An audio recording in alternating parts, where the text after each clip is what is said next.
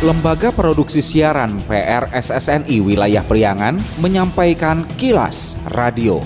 Disiarkan di 20 radio anggota PRSSNI di wilayah Priangan.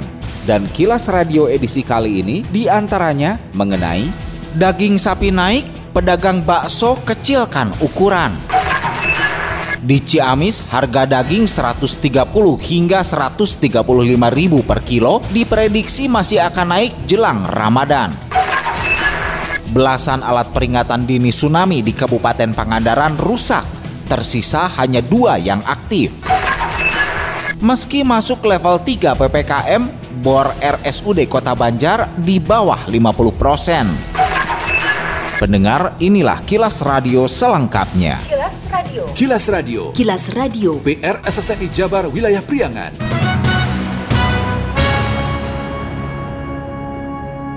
Masyarakat Kota Tasikmalaya mengeluhkan harga daging sapi yang naik sejak sebulan terakhir. Diketahui awal Februari, daging sapi semula Rp120.000 per kilogram menjadi Rp125.000 dan bahkan awal Maret telah menjadi Rp130.000 hingga Rp135.000 per kilonya. Titik, warga Gunung Asih yang ditemui reporter Anik ST di Pasar Pancasila Kota Tasikmalaya berapi-api ungkapkan keluh kesah karena naiknya harga daging sapi. Ya turun aja murah biar masyarakat itu bergizi, biar makan daging. Kalau daging mahal terus masa masyarakat harus pakai asin, apalagi asin sekarang mahal, kuyah mahal, minyak mahal, masa harus dibakar? Ya sekarang mah minta apa-apa itu dimurahkan, biar masyarakat yang dari menengah ke bawah bisa makan yang bergizi gitu aja. Kan daging itu harus makan, nggak daging masyarakat itu. Tapi sekarang kan daging melunjak, tinggi, minyak goreng nggak ada. Masa daging dibakar, apa-apa dibakar. Hera, pedagang daging di Pasar Pancasila mengakui naiknya harga daging secara merangkak sejak Februari lalu. Menurutnya, naiknya harga daging berimbas pada konsumen yang mengurangi pembelian. Udah dua kali dari awal Februari sama kemarin akhir Februari Sekarang harga jual berapa? 130 Konsumen gimana bu? agak kurang. Yang biasanya 3 kilo, 4 kilo atau jadi sekilo setengah, 2 kilo. Yang penting ada aja buat warung nasi kayak gitu. Kebanyakan ibu rumah tangga turun langsung ya, nggak langsung beli ke warungan karena harga belinya makin naik katanya gitu ya. Hal sama juga diakui Haji Jajang, jagal dan pedagang daging di Pasar Cikurubuk. Menurutnya, jika dihitung dari proses bahan berupa sapi saat dipotong hingga dijual per kilogram seharga Rp130.000, tak miliki keuntungan. Harga jual sekarang 130 yang kualitas bagus.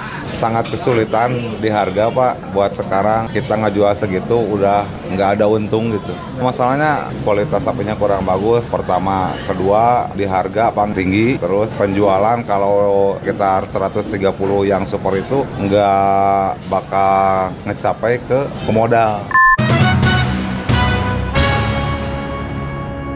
Naiknya harga daging sapi berimbas pada pedagang bakso. Setelah dihantam dua tahun selama pandemi belum bisa pulih total, kini mereka harus bersiasat agar dagangannya tetap laku dan usahanya tetap berlangsung. Reporter Anik ST saat menemui suami istri, Yos, pemilik warung bakso di Manonjaya, Kabupaten Tasikmalaya, mendapati fakta mereka harus mengecilkan ukuran bakso agar tetap bisa jualan. Yos menjelaskan selain mengecilkan ukuran bakso, ia juga kurangi porsi sajian per mangkok dengan harga yang sama seperti sebelumnya. Menurutnya, jika harga daging sapi sebagai bahan utama pembuatan bakso tak terkendali, ia akan menaikkan harga jual. Itunya agak dikurangin porsinya.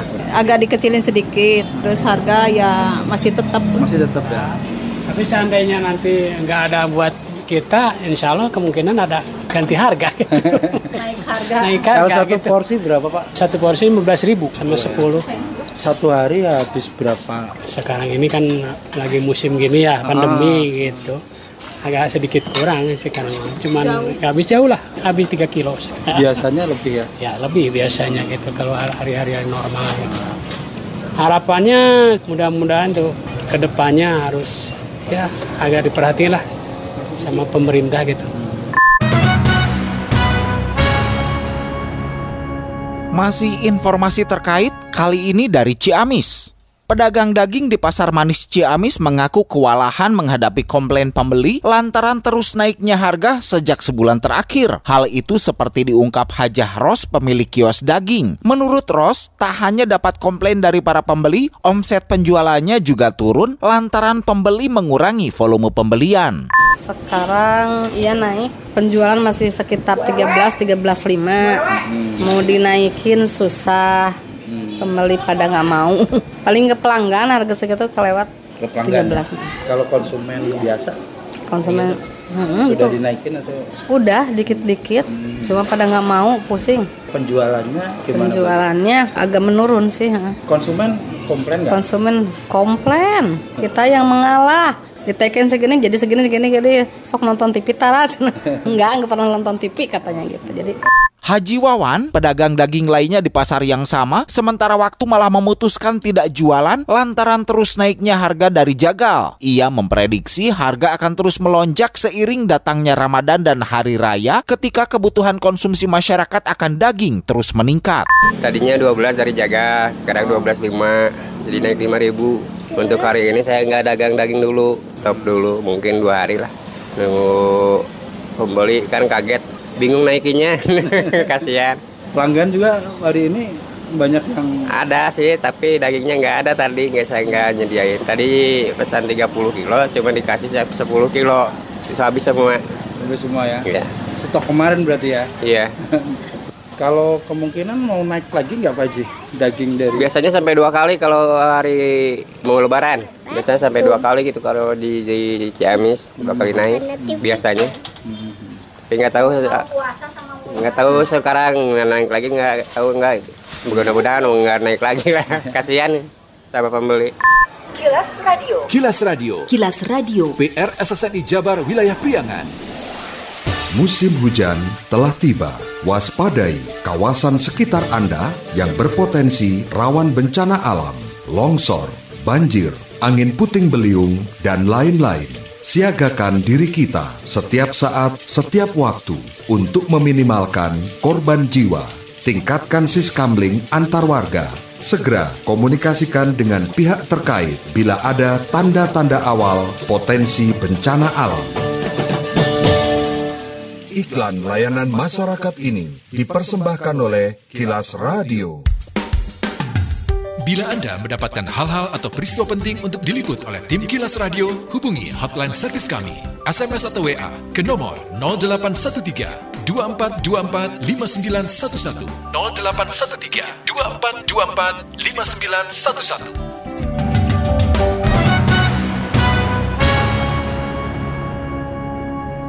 Wakil Bupati Garut Dr. Helmi Budiman menyatakan pihaknya akan terus mengupayakan agar bencana banjir di wilayahnya tak terulang kembali dan dapat segera ditanggulangi. Helmi saat meninjau lokasi terdampak banjir bandang di Kecamatan Cisurupan pekan lalu menegaskan harus ada solusi jangka panjang dalam penanganan pasca banjir di Kecamatan Cisurupan. Karenanya ia telah meminta pemerintah setempat untuk melakukan langkah-langkah relokasi masyarakat ke tempat yang aman. Menurut Wabub, selain relokasi pihaknya pun akan melakukan mitigasi terhadap hutan gundul yang menjadi salah satu penyebab banjir bandang. Untuk pencegahannya ini kan hutan pada gundul, air tidak bisa diserap di situ, tidak bisa disimpan. Kemudian lanjut juga pendangkalan karena kan bawa lumpur. Ini kan juga harus ada solusi.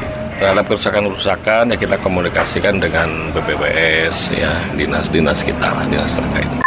Sebelumnya melalui kilas radio, Badan Penanggulangan Bencana Daerah BPBD Garut menghimbau masyarakat yang mendiami kawasan lintasan Sungai Cimanuk lebih berhati-hati dan tingkatkan kewaspadaan akan potensi bencana hidrometeorologi seperti banjir, menyusul puluhan unit rumah warga terdampak banjir di Kecamatan Cikajang dan Kecamatan Cisurupan Kabupaten Garut pekan lalu. BPBD setempat menyebut potensi kerawanan banjir bisa terjadi di 16 kecamatan sepanjang aliran Sungai Cimanuk yang membentang dari kecamatan di wilayah selatan hingga utara, utamanya jika curah hujan tinggi sehingga volume air sangat besar.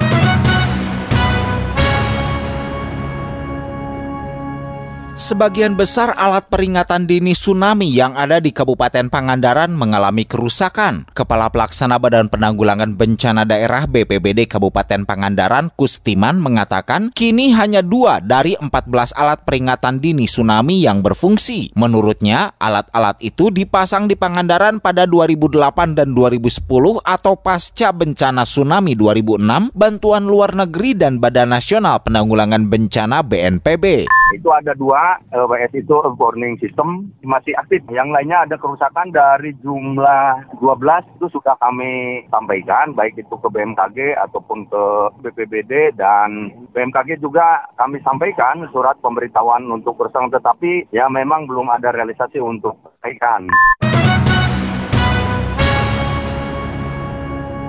Meski masuk level 3 pemberlakuan pembatasan kegiatan masyarakat PPKM akibat kasus COVID-19 yang terus melonjak, keterisian tempat tidur atau bed occupancy rate BOR Rumah Sakit Kota Banjar masih di bawah 50 persen. Kepada reporter Lis R, Direktur Utama RSUD Kota Banjar, Dr. Agus Budiana Eka Putra, Rabu 2 Maret pagi menyebut jumlah keterisian BOR rumah sakit capai 40 persen. Menurut Agus, dari 54 tempat tidur yang tersedia, telah terisi 20 hingga hingga 25 yang terisi. Selengkapnya, berikut cuplikan pernyataan Dr. Agus sekitar 40 persenan. Ketersediaannya berapa banyak dok? Untuk COVID itu 54 tempat tidur. Keterisiannya baru sekitar 20 sampai 25. Ada berapa jumlahnya dok yang diisolasi? Saat ini 10. Ada rencana untuk penambahan kemungkinan akan ada kenaikan lagi untuk kasus positif ini dok? Sementara belum, karena yang ada juga memang masih dirasa mencukupi. Hmm. Kecuali nanti kalau memang dirasa perlu kita akan buka lagi.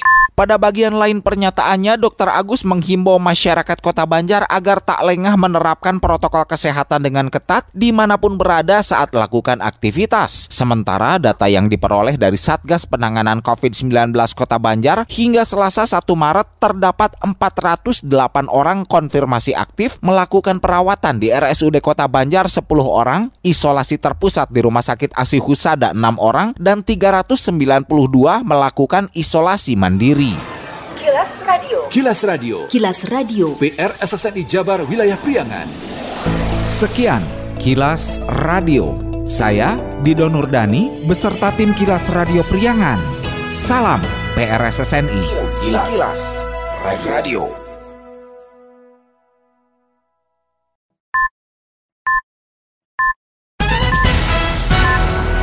Lembaga Produksi Siaran PRSSNI Wilayah Priangan menyampaikan kilas radio. Disiarkan di 20 radio anggota PRSSNI di wilayah Priangan. Dan kilas radio edisi kali ini di antaranya mengenai daging sapi naik, pedagang bakso kecilkan ukuran.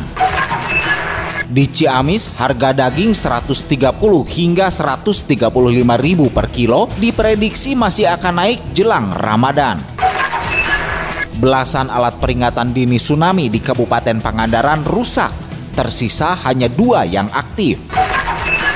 Meski masuk level 3 PPKM, bor RSUD Kota Banjar di bawah 50 persen.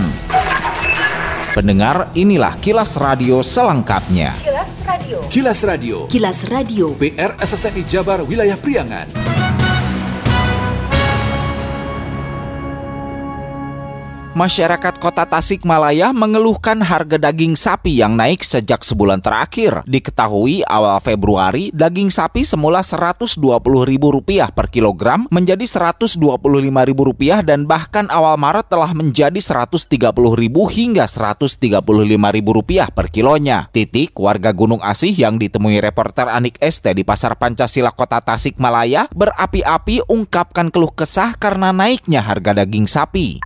Ya turun aja murah biar masyarakat itu bergizi, biar makan daging. Kalau daging mahal terus masa masyarakat harus pakai asin, apalagi asin sekarang mahal, kuyah mahal, minyak mahal, masa harus dibakar? Ya sekarang mah minta apa-apa itu dimurahkan, biar masyarakat yang dari menengah ke bawah bisa makan yang bergizi gitu aja. Kan daging itu harus makan, nggak daging masyarakat itu. Tapi sekarang kan daging melunjak tinggi, minyak goreng nggak ada. Masa daging dibakar? dibakar, apa-apa dibakar. Hera, pedagang daging di Pasar Pancasila mengakui naiknya harga daging secara merangkak sejak Februari lalu. Menurutnya, naiknya harga daging berimbas pada konsumen yang mengurangi pembelian. Udah dua kali dari awal Februari sama kemarin akhir Februari. Sekarang harga jual berapa? 130 Konsumen gimana Bu? agak kurang. Yang biasanya 3 kilo, 4 kilo atau jadi sekilo setengah, 2 kilo. Yang penting ada aja buat warung nasi kayak gitu. Kebanyakan ibu rumah tangga turun langsung ya, nggak langsung beli ke warungan karena harga belinya makin naik katanya gitu ya. Hal sama juga diakui Haji Jajang, jagal dan pedagang daging di Pasar Cikurubuk. Menurutnya, jika dihitung dari proses bahan berupa sapi saat dipotong hingga dijual per kilogram seharga 130.000, tak miliki keuntungan. Harga jual sekarang 130 yang kualitas bagus. Sangat kesulitan di harga Pak. Buat sekarang kita ngejual segitu udah nggak ada untung gitu. Masalahnya kualitas sapinya kurang bagus. Pertama, kedua di harga paling tinggi. Terus penjualan kalau kita 130 yang super itu nggak bakal ngecapai ke pemodal. Naiknya harga daging sapi berimbas pada pedagang bakso. Setelah dihantam dua tahun selama pandemi belum bisa pulih total, kini mereka harus bersiasat agar dagangannya tetap laku dan usahanya tetap berlangsung. Reporter Anik ST saat menemui suami istri, Yos, pemilik warung bakso di Manonjaya, Kabupaten Tasikmalaya, mendapati fakta mereka harus mengecilkan ukuran bakso agar tetap bisa jualan. Yos menjelaskan selain mengecilkan ukuran bakso, ia juga kurangi porsi sajian per mangkok dengan harga yang sama seperti sebelumnya. Menurutnya, jika harga daging sapi sebagai bahan utama pembuatan bakso tak terkendali, ia akan menaikkan harga jual. Itunya agak dikurangin porsinya. Agak dikecilin sedikit, terus harga ya masih tetap. Masih tetap ya. Tapi seandainya nanti nggak ada buat kita, insya Allah kemungkinan ada ganti harga. Naik harga. Naik Kalau harga satu gitu. porsi berapa Pak? Satu porsi 15 ribu sama 10. Satu hari habis berapa? Sekarang ini kan lagi musim gini ya, pandemi gitu. Agak sedikit kurang sekarang. Cuman nggak habis jauh lah, habis 3 kilo. Biasanya lebih ya. Ya lebih biasanya gitu kalau hari-hari normal gitu. Harapannya mudah-mudahan tuh ke depannya harus ya agak diperhatiin lah sama pemerintah gitu. Masih informasi terkait kali ini dari Ciamis. Pedagang daging di Pasar Manis Ciamis mengaku kewalahan menghadapi komplain pembeli lantaran terus naiknya harga sejak sebulan terakhir. Hal itu seperti diungkap Hajah Ros, pemilik kios daging. Menurut Ros, tak hanya dapat komplain dari para pembeli, omset penjualannya juga turun lantaran pembeli mengurangi volume pembelian. Sekarang iya naik. Penjualan masih sekitar 13 13 5. Mau dinaikin susah. Pembeli pada nggak mau. Paling ke pelanggan harga segitu kelewat Ke pelanggan. 13. Kalau konsumen biasa Konsumen Hmm, sudah itu. dinaikin atau Udah dikit-dikit, cuma pada nggak mau, pusing. penjualannya gimana? Penjualannya agak menurun sih. Konsumen komplain nggak? Konsumen komplain, kita yang mengalah. Ditekin segini jadi segini segini jadi sok nonton TV taras. enggak, enggak pernah nonton TV katanya gitu. Jadi Haji Wawan, pedagang daging lainnya di pasar yang sama, sementara waktu malah memutuskan tidak jualan lantaran terus naiknya harga dari jagal. Ia memprediksi harga akan terus melonjak seiring datangnya Ramadan dan Hari Raya ketika kebutuhan konsumsi masyarakat akan daging terus meningkat. Tadinya 12 dari jaga, sekarang 12.5 jadi naik 5 ribu. Untuk hari ini saya nggak dagang daging dulu, top dulu, mungkin dua hari lah. Nunggu pembeli kan kaget, bingung naikinnya, kasihan. Pelanggan juga hari ini banyak yang Ada sih, tapi dagingnya nggak ada tadi, nggak saya nggak nyediain. Tadi pesan 30 kilo, cuma dikasih saya 10 kilo, itu habis semua. habis semua ya. Iya, Stok kemarin berarti ya. iya. Kalau kemungkinan mau naik lagi nggak Pak Haji? Daging dari Biasanya sampai dua kali kalau hari mau lebaran. Biasanya sampai dua kali gitu kalau di, di, di Ciamis dua kali naik biasanya. Tapi nggak tahu nggak tahu sekarang nggak naik lagi nggak tahu nggak. Mudah-mudahan nggak naik lagi lah. Kasihan sama pembeli. Kilas Radio. Kilas Radio. Kilas Radio. PR SSNI Jabar Wilayah Priangan. Musim hujan telah tiba. Waspadai kawasan sekitar Anda yang berpotensi rawan bencana alam, longsor, banjir, angin puting beliung, dan lain-lain. Siagakan diri kita setiap saat, setiap waktu untuk meminimalkan korban jiwa. Tingkatkan siskamling antar warga. Segera komunikasikan dengan pihak terkait bila ada tanda-tanda awal potensi bencana alam. Iklan layanan masyarakat ini dipersembahkan oleh Kilas Radio. Bila Anda mendapatkan hal-hal atau peristiwa penting untuk diliput oleh tim Kilas Radio, hubungi hotline servis kami, SMS atau WA ke nomor 0813 2424 5911 0813 2424 5911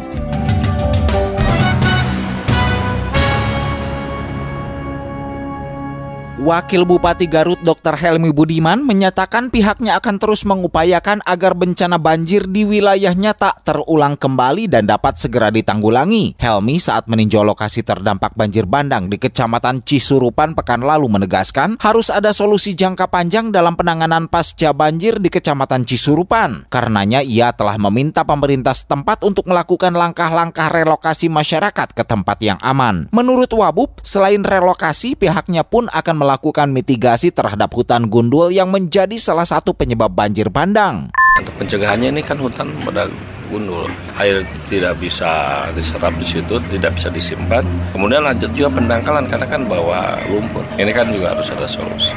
Terhadap kerusakan-kerusakan ya kita komunikasikan dengan BPBS ya dinas-dinas kita lah dinas terkait.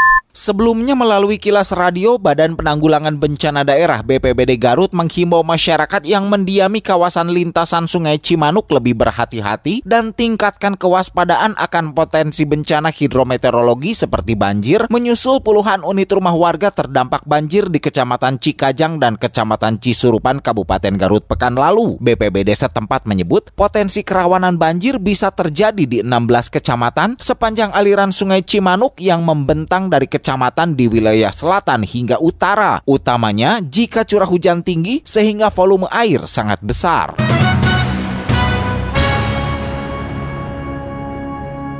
Sebagian besar alat peringatan dini tsunami yang ada di Kabupaten Pangandaran mengalami kerusakan. Kepala Pelaksana Badan Penanggulangan Bencana Daerah BPBD Kabupaten Pangandaran, Kustiman, mengatakan kini hanya dua dari 14 alat peringatan dini tsunami yang berfungsi. Menurutnya, alat-alat itu dipasang di Pangandaran pada 2008 dan 2010 atau pasca bencana tsunami 2006, bantuan luar negeri dan Badan Nasional Penanggulangan Bencana BNPB. Itu ada dua LWS itu warning system masih aktif. Yang lainnya ada kerusakan dari jumlah 12 itu sudah kami sampaikan baik itu ke BMKG ataupun ke BPBD dan BMKG juga kami sampaikan surat pemberitahuan untuk kerusakan tetapi ya memang belum ada realisasi untuk perbaikan. Meski masuk level 3 pemberlakuan pembatasan kegiatan masyarakat PPKM akibat kasus COVID-19 yang terus melonjak, keterisian tempat tidur atau bed occupancy rate BOR Rumah Sakit Kota Banjar masih di bawah 50 persen. Kepada reporter Lis R, Direktur Utama RSUD Kota Banjar, Dr. Agus Budiana Eka Putra, Rabu 2 Maret pagi menyebut jumlah keterisian BOR Rumah Sakit capai 40 persen. Menurut Agus, dari 54 tempat tidur yang tersedia, telah terisi 20 hingga hingga 25 yang terisi. Selengkapnya, berikut cuplikan pernyataan Dr. Agus sekitar 40 persenan. Ketersediaannya berapa banyak dok? Untuk COVID itu 54 tempat tidur. Keterisiannya baru sekitar 20 sampai 25. Ada berapa jumlahnya dok yang diisolasi? Saat ini 10. Ada rencana untuk penambahan kemungkinan akan ada kenaikan lagi untuk kasus positif ini dok? Sementara belum, karena yang ada juga memang masih dirasa mencukupi. Hmm. Kecuali nanti kalau memang dirasa perlu kita akan buka lagi.